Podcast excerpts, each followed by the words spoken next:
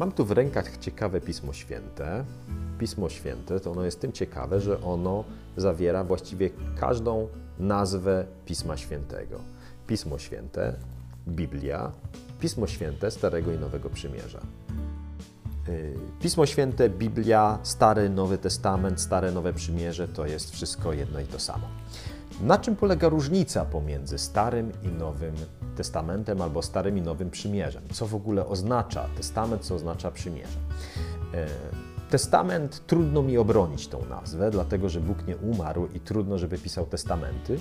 Natomiast samo to stwierdzenie, które tutaj jest, że to jest przymierze, bardzo mi się podoba, bo samo Pismo Święte wewnątrz mówi o przymierzach.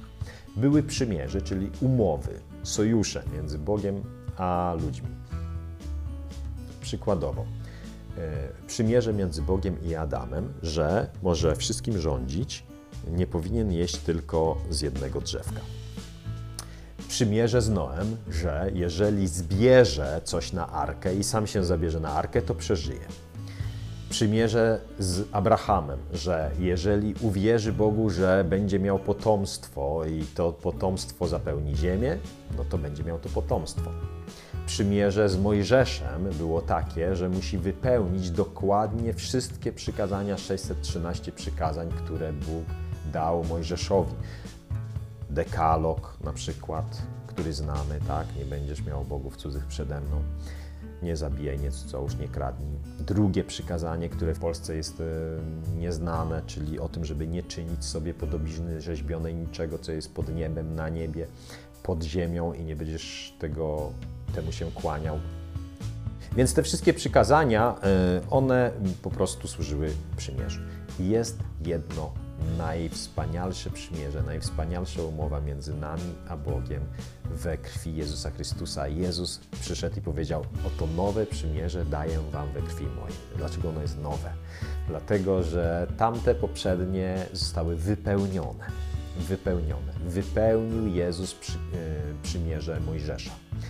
E, on wypełnił wszystkie umowy, jakie Bóg z człowiekiem zawarł i Dzięki temu mógł je zamknąć i przejść do nowej umowy. Ponieważ jedna umowa jest zamknięta, to wtedy można zacząć nową umowę. Jezus wypełnił starą umowę. Jezus wypełnił Stary Testament. Wykonało się, powiedział. Wykonało się, wykonało się, wypełnił.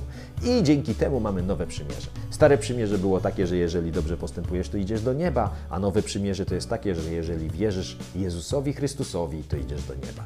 I to jest nowe przymierze i w tym, na tym polega nawrócenie, że zaczynasz wierzyć, że to nie Twoimi siłami, nie własnym wysiłkiem, nie samodyscypliną dostajesz się do nieba, tylko tym, że Jezus wybaczył Ci wszystkie grzechy. Czyli kiedy staniesz przed Bogiem, to Twoje grzechy się nie liczą, bo Jezus je wziął na krzyż. On je odkupił, On za nie zapłacił.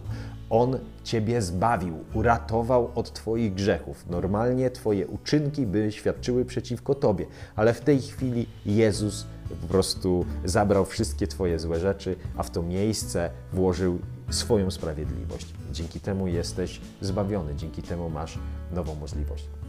I różnica między Starym a Nowym Przymierzem, czy między starymi przymierzami a nowymi przymierzami polega na tym, że to nowe przymierze ono już jest doskonałe. Już kolejnego przymierza nie będzie. Ono jest wypełnione.